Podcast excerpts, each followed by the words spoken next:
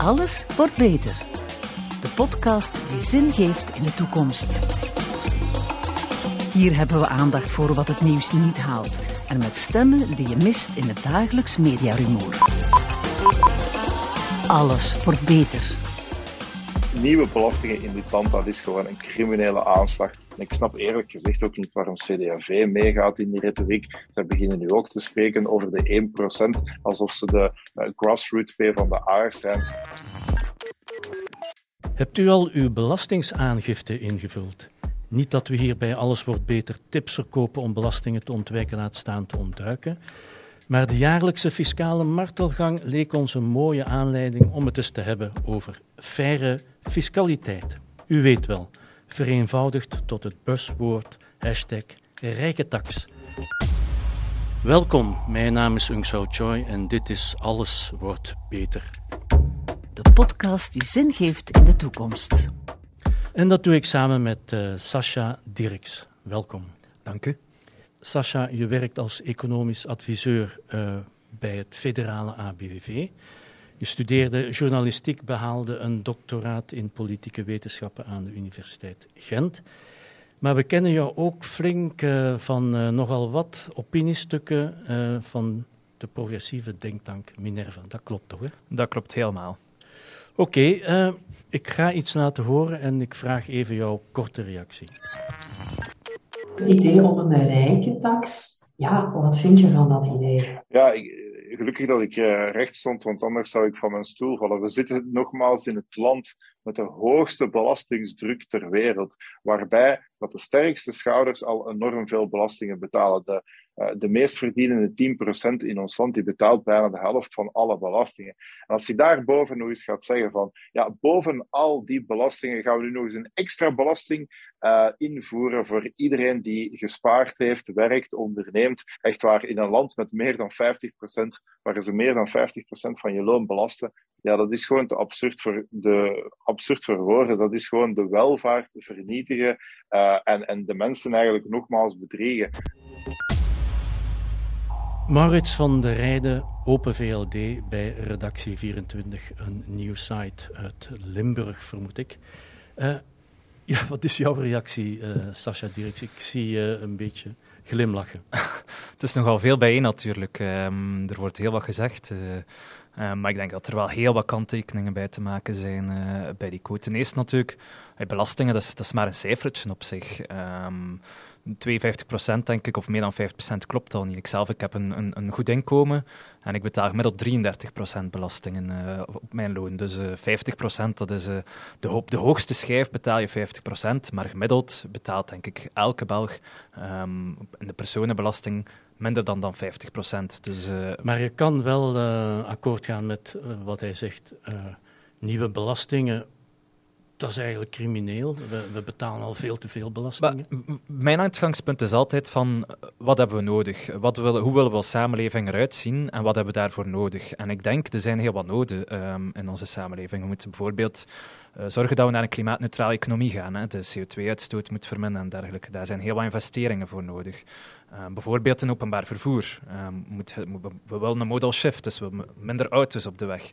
We daarvoor hebben we beter openbaar vervoer nodig. Dus de overheid die daarin moet investeren, dat is maar één voorbeeld.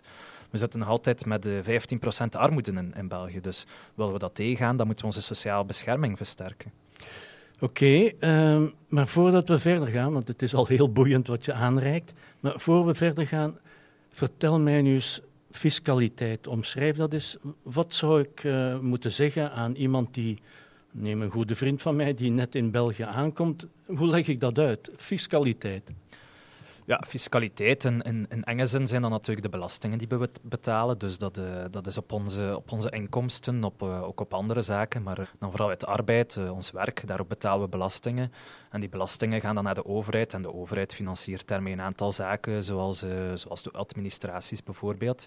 In iets breder zin kan je dan natuurlijk ook de sociale bijdrage um, bij, bij, bij bekijken. Dat zijn dan de werkgeversbijdragen en werknemersbijdragen. Is ook een deel van het loon. Um, en dat gaat ook via de overheid, gaat eigenlijk naar de sociale zekerheid. Hè. Dus pensioenen, werkloosheidsuitkeringen, kinderbijslag, gezondheidszorg en dergelijke meer. Ehm, dus in, in ruime zin denk ik is fiscaliteit voor mij die twee dingen samen. Ehm, en, en ja, die inkomsten die de overheid haalt, vooral dan uit werk, ook uit andere zaken, bijvoorbeeld de vennootschapsbelasting heb je, is ook een belangrijke post in de belastingen. Ehm, maar daarmee financiert de overheid uh, onder andere de sociale zekerheid en de administraties. Bedrijven moeten ook belastingen betalen. Hoe zit dat precies in elkaar? Ja, dus uh, bedrijven die maken natuurlijk, of veel bedrijven maken winst. Um, en, en op die winst uh, moet zij een, een, deel belastingen betalen. Um, die, ja, die vennootschapsbelasting is, uh, is, door de vorige regering Michel een stukje verlaagd. Hè. Dus um, de, de hoogste voet is nu nog 25 procent. van die winst die, die dan naar de overheid gaat. vroeger was dat 33 procent. De spreker in, in de quote, Maurits van der Rijden, die zegt ja, bedrijven betalen al veel te veel belastingen. Er wordt door iedereen veel te veel belastingen uh, betaald. klopt dat? Is dat zo? Well, ik vind van niet, maar dat is natuurlijk een, een, een persoonlijke visie. Uh, um, als je kijkt naar bedrijven bijvoorbeeld, dat is één zaak. De winsten van bedrijven in België, de winstvoeten zijn nog nooit zo hoog geweest als vandaag. Die zijn de afgelopen decennia sterk gestegen. Um, en je ziet ook dat de, dat de belastingen onder de vorige regering, de vennootschapsbelasting, ik zei het daarnet, die zijn verlaagd, uh, of dat tarief is verlaagd. Daarnaast zijn natuurlijk ook wel heel wat achterpoortjes die we ook mee in rekening moeten nemen. Um, als het gaat over... fraude, dat is daar ook iets Ja, of, of niet, niet per se fraude, want fraude, dan, dan, dan spreek ik al iets over wat dan wettelijk is, maar er zijn ook uh, min of meer legale achterpoortjes, in elk geval zaken die de overheid uh, of die de verschillende overheden toestaan. Um, want natuurlijk, veel bedrijven opereren ook internationaal en, en, kunnen daarvan gebruik maken om in het een land, waar dat de belastingen dan iets hoger zijn, bijvoorbeeld uh, weinig belastingen uh, te, te, betalen, doordat de winsten daar dan zogezegd lager zijn. Ze verschuiven winsten van landen met een hogere belastingvoet naar landen met, de, met een lagere belastingvoet, vooral dan de zogenaamde belastingparadijzen. Um, dat is die postbusconstructies. Ja, ja, bijvoorbeeld. Ja. Dus uh, er zijn heel wat, manieren om dat te doen. Um, de een al wat, uh, wat complexer dan de andere. Um, maar sommige daarvan ja, die, die worden in elk geval toegestaan. Er is soms wat discussie over, is dat nu helemaal legaal of niet? Uh, dat, dat hangt vanaf hoe dat je de wet interpreteert soms ook. Maar in elk geval zijn er zowel heel wat, wat transfers tussen landen die ervoor zorgen dat bedrijven minder belasting betalen dan ze eigenlijk zouden moeten betalen. Al enkele jaren klaagt Oxfam de, de globale sociale ongelijkheid aan. Acht mensen zijn even rijk als, hou u vast, de 3,6 miljard armste mensen in de wereld samen. Hoe is het hier in België gesteld? Iets beter natuurlijk. Ehm, we hebben een aantal uh, manieren in België om die ongelijkheid te beperken. Bijvoorbeeld nog altijd wel vrij progressieve belastingen, vooral dan op, uh, op, op lonen, op, op, op, op inkomens uit arbeid. Even kort, progressieve belastingen. Dat betekent eigenlijk hoe meer dat je verdient, hoe, hoe hoger tarief dat je, gemiddeld tarief dat je zal betalen. Dus uh, we zien in de belastingen dat op de laagste belastingschijf, dus het eerste deel dat je verdient, betaal je minder dan, dan op een hogere belastingschijf. Dus hoe meer dat je verdient, hoe meer dat je gemiddeld zal, zal betalen. Um, maar we kennen dat eigenlijk enkel op uh, inkomsten uit arbeid. Uh, bij inkomsten uit kapitaal is dat, uh, is dat vandaag niet het geval. Um, maar bij inkomsten uit arbeid zien we nog altijd dat er een, dus progressieve belastingen, zoals dat dan heet, zijn. Um, en dat beperkt voor een stukje die ongelijkheid. Daarnaast kennen we natuurlijk ook de sociale bescherming, de sociale zekerheid, ook, ook wel relatief sterke vakbonden in België. En dat zijn allemaal mechanismen om die ongelijkheid te beperken. Is er in België een, een, een voorbeeld bijvoorbeeld om die spanning tussen arm en rijk mm -hmm. uit te drukken? Well, je hebt er mede, maar als je kijkt naar vermogen bijvoorbeeld, dan zie je dat 10%, de 10% rijkste Belgen, die hebben ongeveer de helft van het vermogen in handen, terwijl um, de 50% arme, armste Belgen, de armste helft, die heeft eigenlijk niks van het vermogen in handen. Dus je ziet daar toch dat er ook wel grote ongelijkheden zijn. Um, ja, dus dat, dat, is denk ik het belangrijkste voorbeeld. Maar we kennen allemaal natuurlijk de, de Marcoekes, de aandeelhouders van ABN InBev en zo, de rijkste families in, uh, in België, die, uh, die toch serieuze um, miljardenvermogens hebben. Uh, ook dat, dat, dat, dat, ja, die cijfers zijn wel min of meer bekend. Als we spreken over de markkoekers uh, van dit land, ja, hoe moeten we dat bekijken, de rijken? Is dat dan alleen markkoeken of zijn dat ook ja, aandeelhouders van zijn bedrijven? Of, of hoe, hoe, hoe zit dat in elkaar? Dat is eigenlijk een heel interessante vraag, want eigenlijk is Mark Koeken, ik gaf hem zelf als voorbeeld, maar het is een slecht voorbeeld. Want de meeste rijke families, die zijn eigenlijk via, via erfelijkheid rijk. Het zijn families die al, al meerdere generaties um, rijk zijn en die eigenlijk vooral vennootschappen, aandelen van vennootschappen hebben geërfd van, van de ouders, van de grootouders en dergelijke meer. Um, Koninklijke familie? Um, die zou daar ook tussen kunnen zitten, maar je hebt zo een website, de Rijkste Belgen, dat is op zich wel interessant. En daar, daar zie je al die families. Vaak zijn die iets minder bekend of iets minder zichtbaar in de media dan maar Koeken. Um, maar dus dat zijn, zijn vaak miljarden vermogens. En, als je daar naar kijkt, dan, dan, dan staat er ook bij van hoe hebben die hun vermogen opgebouwd. En, en, ja, zoals ik zei, dat is soms uit de 19e eeuw met industrialisatie in België, of de eerste helft van de 20e eeuw. Maar je ziet dat dat gewoon uh, geërfd is. Uh, de, de, Albert Freire was ook een, bijvoorbeeld een heel bekende miljardair in België. Um, ja, die is niet zo heel lang geleden, een, een, paar jaar geleden gestorven. Dan gaat die, die rijkdom gaat gewoon over op, op de volgende generaties en die familie. Dus zo wordt rijkdommen eigenlijk van generatie op generatie doorgegeven. Oké, uh, begin mei, of zelfs eind april al, regende het echt voorstellen van rijke taxen. Uh, nu blijkt uit een enquête, las ik bij uh, PVDA-bronnen, een enquête over ongelijkheid van KNAK in 2014 toen bleek al 85% van de bevolking iets te voelen voor een vermogensbelasting op het deel boven 1 miljoen euro. Hè. Dat is toch wel straf? Dat is straf, ja. En, en het, allee, je ziet dat eigenlijk altijd met terugkeren. Er zijn ondertussen al, al redelijk wat peilingen of enquêtes afgenomen. En je ziet dat daar toch altijd minstens zo'n 70% van, van de Belgen, ook, ook van de Vlamingen, want dat is ook als het regionaal wordt gedaan ook, um, zie je dat daar voorstander is van, van, van een mogensbelasting. En er zijn ook uh, enquêtes uh, die kijken en die vragen aan Belgen van vind je dat ongelijkheid te groot is en vind je dat de overheid uh, daar iets aan moet doen. En ook daar blijkt dat een overgrote meerderheid vindt van de Belgen dat ongelijkheid ook hier te groot is en dat de overheid dus moet tussenkomen. En interessant, dat gaat dan niet enkel over linkse kiezers, maar ook bijvoorbeeld de meerderheid van de kiezers bij, bij partijen als, als, als N-VA en VLD. En, en hoe komt dat toch dat dat dan niet wordt omgezet in ja, minstens wetgeving bijvoorbeeld? Ja, dat is natuurlijk een. Uh, je moet een meerderheid hebben op politiek niveau. En, uh, en de politieke partijen scharen zich daar, daar, daar niet allemaal achter. En, en, en daardoor komt dat er voorlopig niet. waarom dat die partijen zich daar niet achter scharen? Ja, soms is dat een kwestie van ideologie. Soms is dat natuurlijk ook puur macht. mensen met veel geld hebben wel wat invloed in de samenleving. Um, dus ja, die redenen zijn divers. Maar daardoor is er blijkbaar tot op vandaag geen parlementaire meerderheid gevonden. Maar dus, rond 1 mei, uh, regende het uh, voorstellen van rijke taxen. Ik probeer een hele korte samenvatting te maken. Dus ja, de PvdA, dat is uh, bekend, die pleit al jaren voor een miljonairstax. Om de 2% rijkste te doen betalen, zeggen zij. Um, Groen stelt voor 1% tax van de 1% superrijkste. vooruit ziet een eenmalige vermogensbelasting in grote lijnen goed zitten. En ook professor Paul de Grauwe, we mogen wel zeggen een, een linkse liberaal, verdedigt een progressieve vermogensbelasting. Concreet zegt hij vermogen boven 1 miljoen tot 10 miljoen, 1% tax. Van 10 tot 100 miljoen, 2% tax. Tussen 100 miljoen en 1 miljard, 3%. En alles erboven, wat ik mij helemaal niet meer kan voorstellen, 4%.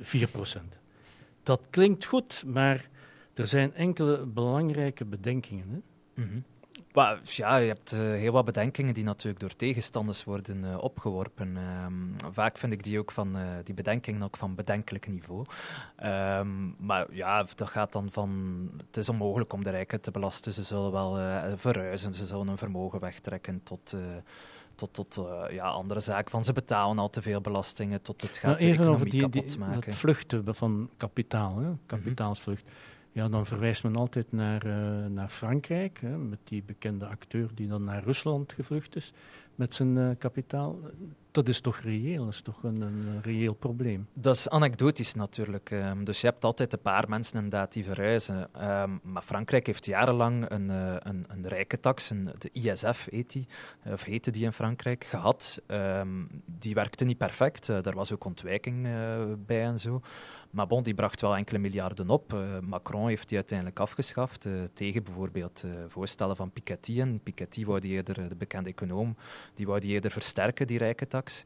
Um, dus, het, dus het kan wel. Um, en uit onderzoek blijkt ook, bijvoorbeeld, ze hebben in Amerika gekeken van rijken verhuizen die als een bepaalde Amerikaanse staat, als die de belastingen op de rijken wat verhoogt. En daaruit bleek eigenlijk dat er heel weinig um, verhuizing was van, van rijken. Veel belangrijker was, uh, was de, ja, de staat waarin dat ze woonden. Uh, ze hadden daar misschien al een band mee. De economie is daar, uh, heeft dat, je kent daar bepaalde voordelen en dergelijke. Het is daar misschien gewoon ook zonnig.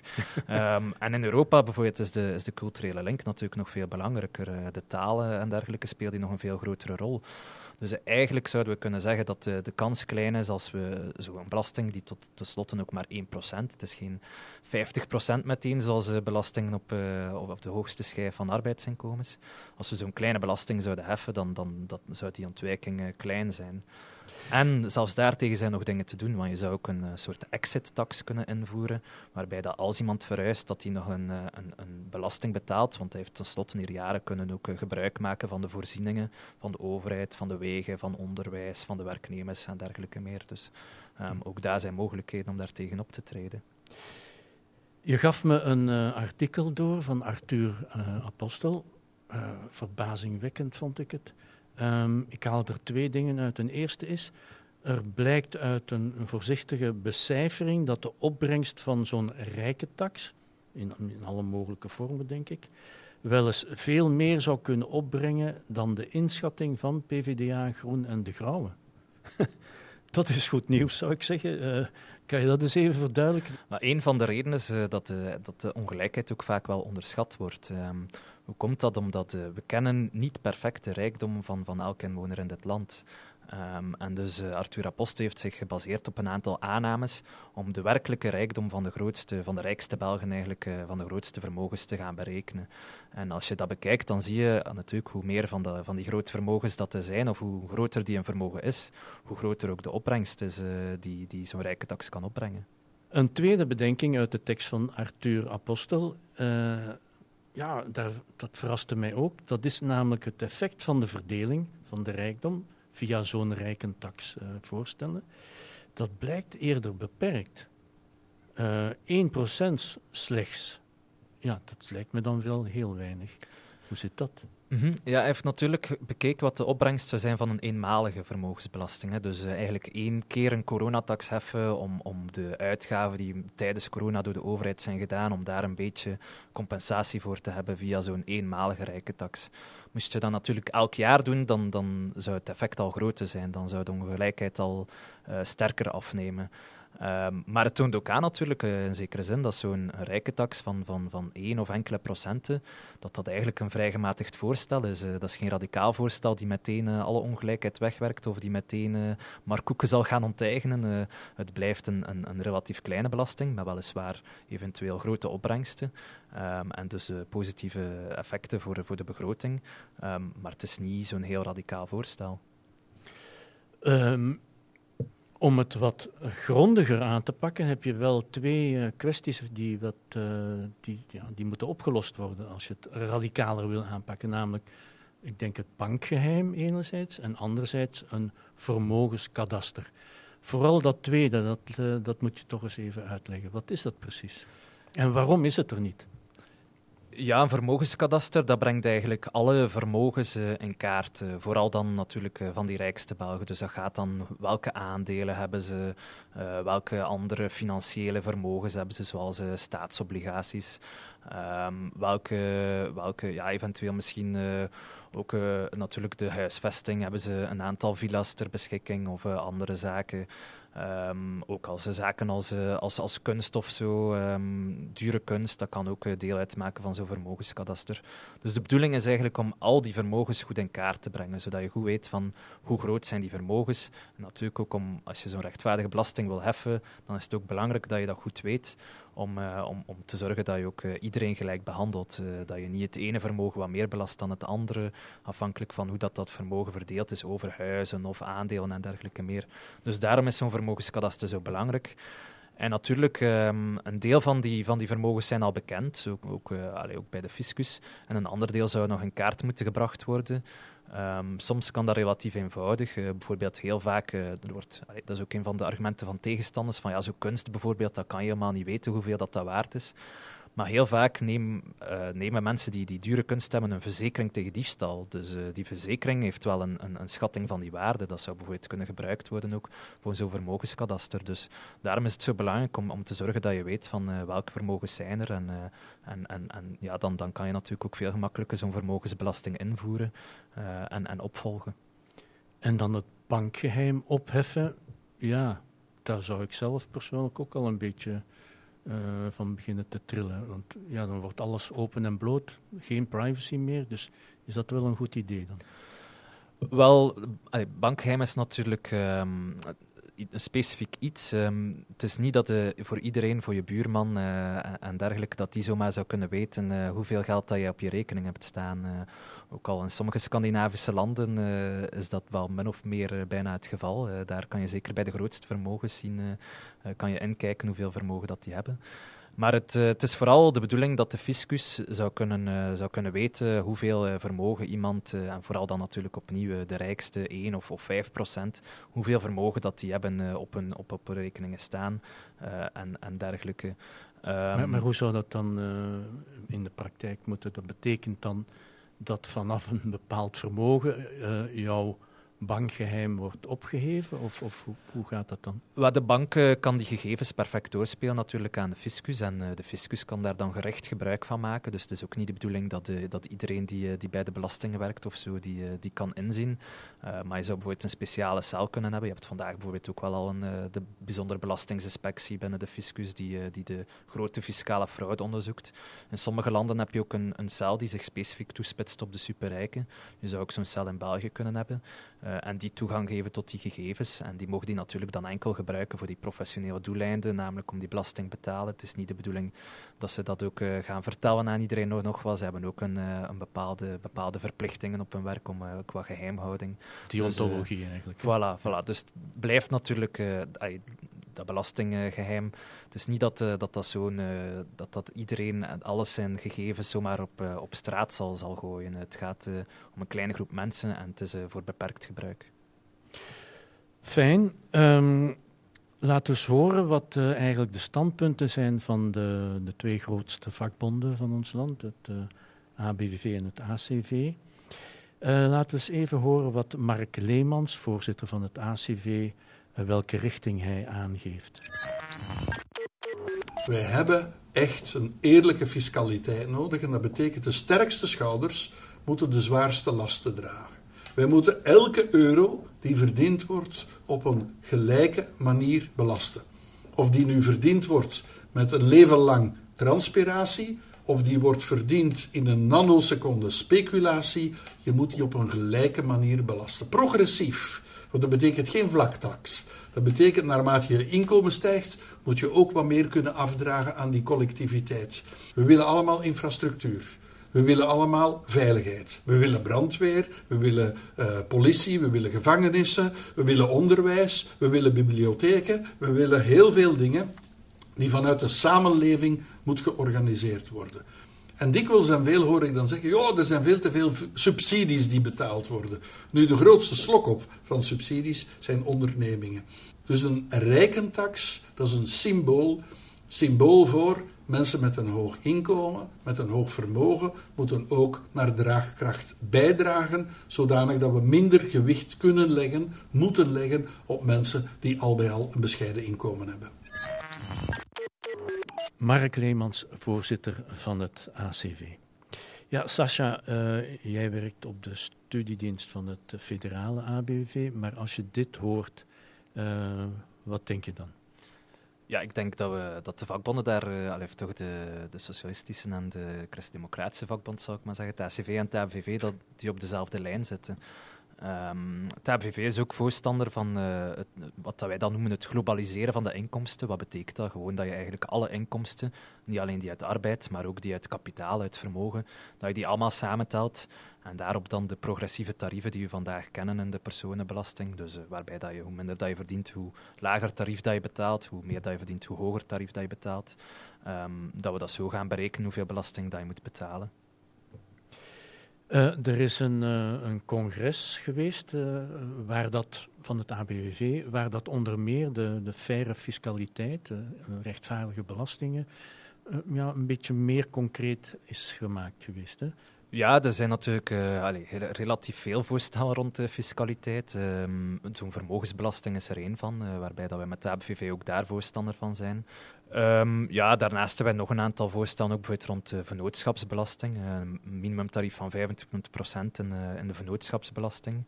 Um, waarbij dat we ook achterpoortjes gaan tegengaan en, en, kijken op internationaal niveau om te zorgen dat de belastingontwijking door multinationals dan moeilijker wordt. Um, dat zijn zo'n aantal belangrijke voorstellen. Misschien nog eentje meegeven. Ook meer progressiviteit in de personenbelasting. Dus vandaag zit je al snel aan, aan een, uh, een, tarief van 50% wel, uh, dus het hoogste tarief in de personenbelasting.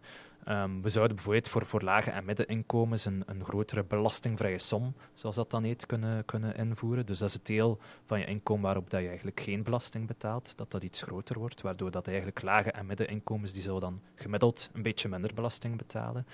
En tegelijkertijd kunnen we voor de, de hele hoge inkomens kunnen we opnieuw hogere tarieven uh, invoeren. Dus vandaag is 50% het hoogste tarief.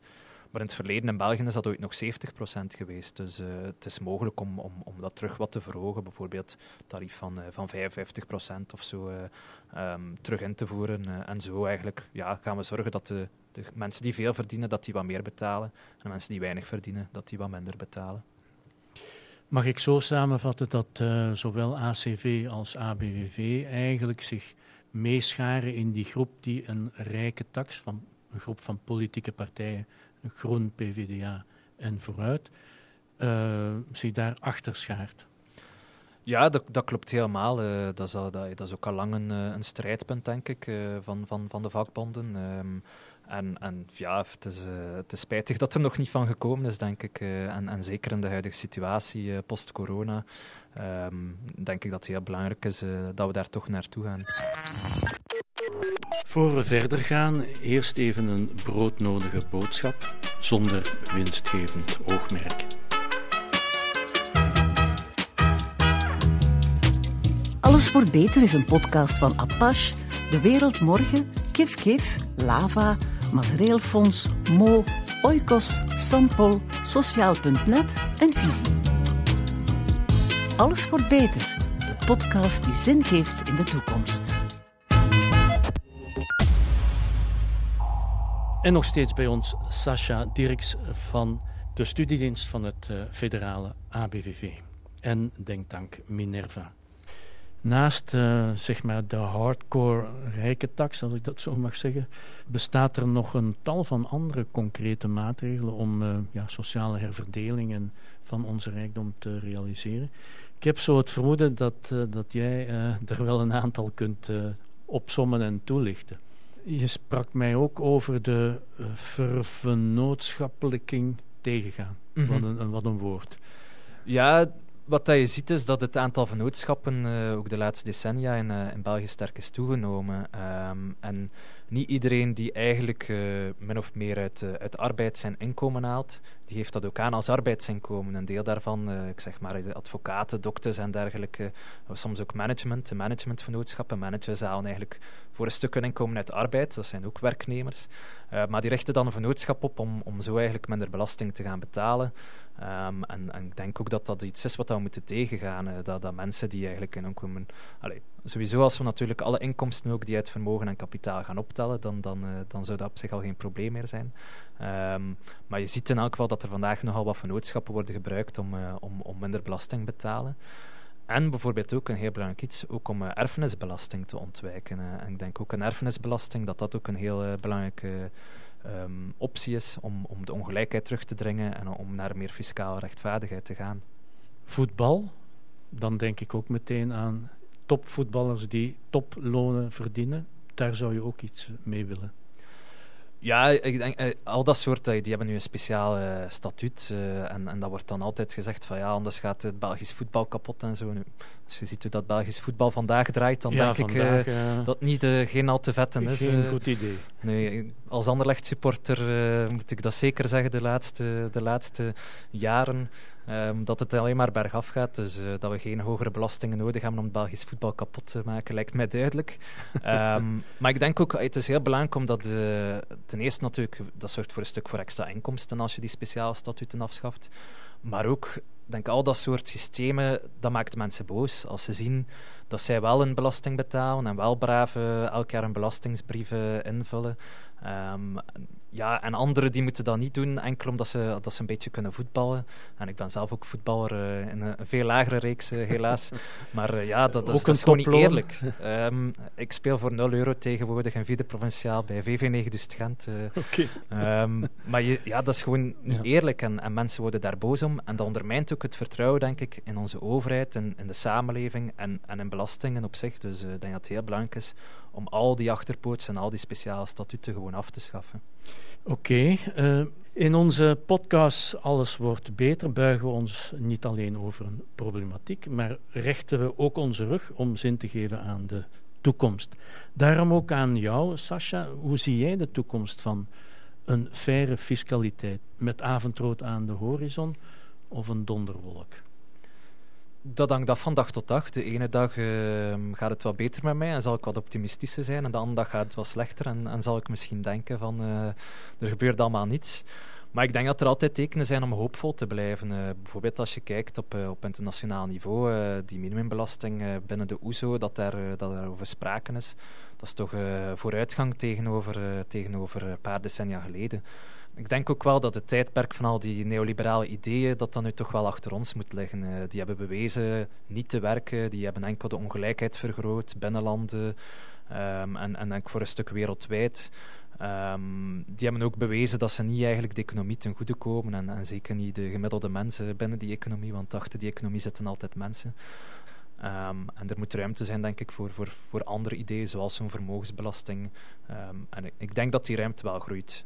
Um, we zien dat nog niet altijd terug in het beleid, maar uh, zolang dat we, denk ik, op die nagel blijven kloppen, moet dat op een bepaald moment zich ook wel uh, vertalen in het beleid. Dus uh, op dat vlak ben ik toch hoopvol. Heel fijn. Tot zover. Hierover is alvast zeker niet het laatste woord dus gezegd. Maar alvast heel erg bedankt voor jouw uh, boeiende woorden. Sascha Dirks van de studiedienst van het uh, federaal ABV en lid van de denktank Minerva. En afsluiten doen we met een meezinger van formaat, beste luisteraar en luisteraarster. Hou u niet in, zing het mee uit volle borst in uw douche, op de trein en op uw fiets. If I Were a Rich Man van Roger Whittaker uit 1967 maar liefst. Ik weet wat u denkt, waar blijven ze toch halen? Toegegeven, het is meer dan een missie geworden. Alles wordt beter. Eindigen met wat ooit beter dan goed was. Tot een volgende keer. If I were a rich man,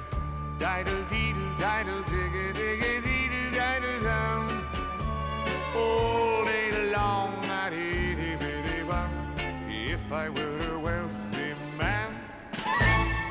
Herbeluister en volg ons op Twitter, Facebook en Instagram. Alleswortbeter.be. Ook op de 10 websites en mediakanalen. Onze peetvaders en moeders. De podcast Alles wordt beter is er om de twee weken en is een faire samenwerking van Mo Apache, De Wereldmorgen, Visie Sociaal.net, Kif Kif, Mazereelfonds, Lava, Sampol en Oikos. Redactie Tabo Sulu, Ruby Bernabeu Plaus en mezelf Moussa Choi. Would it spoil some vast eternal plan if I were away?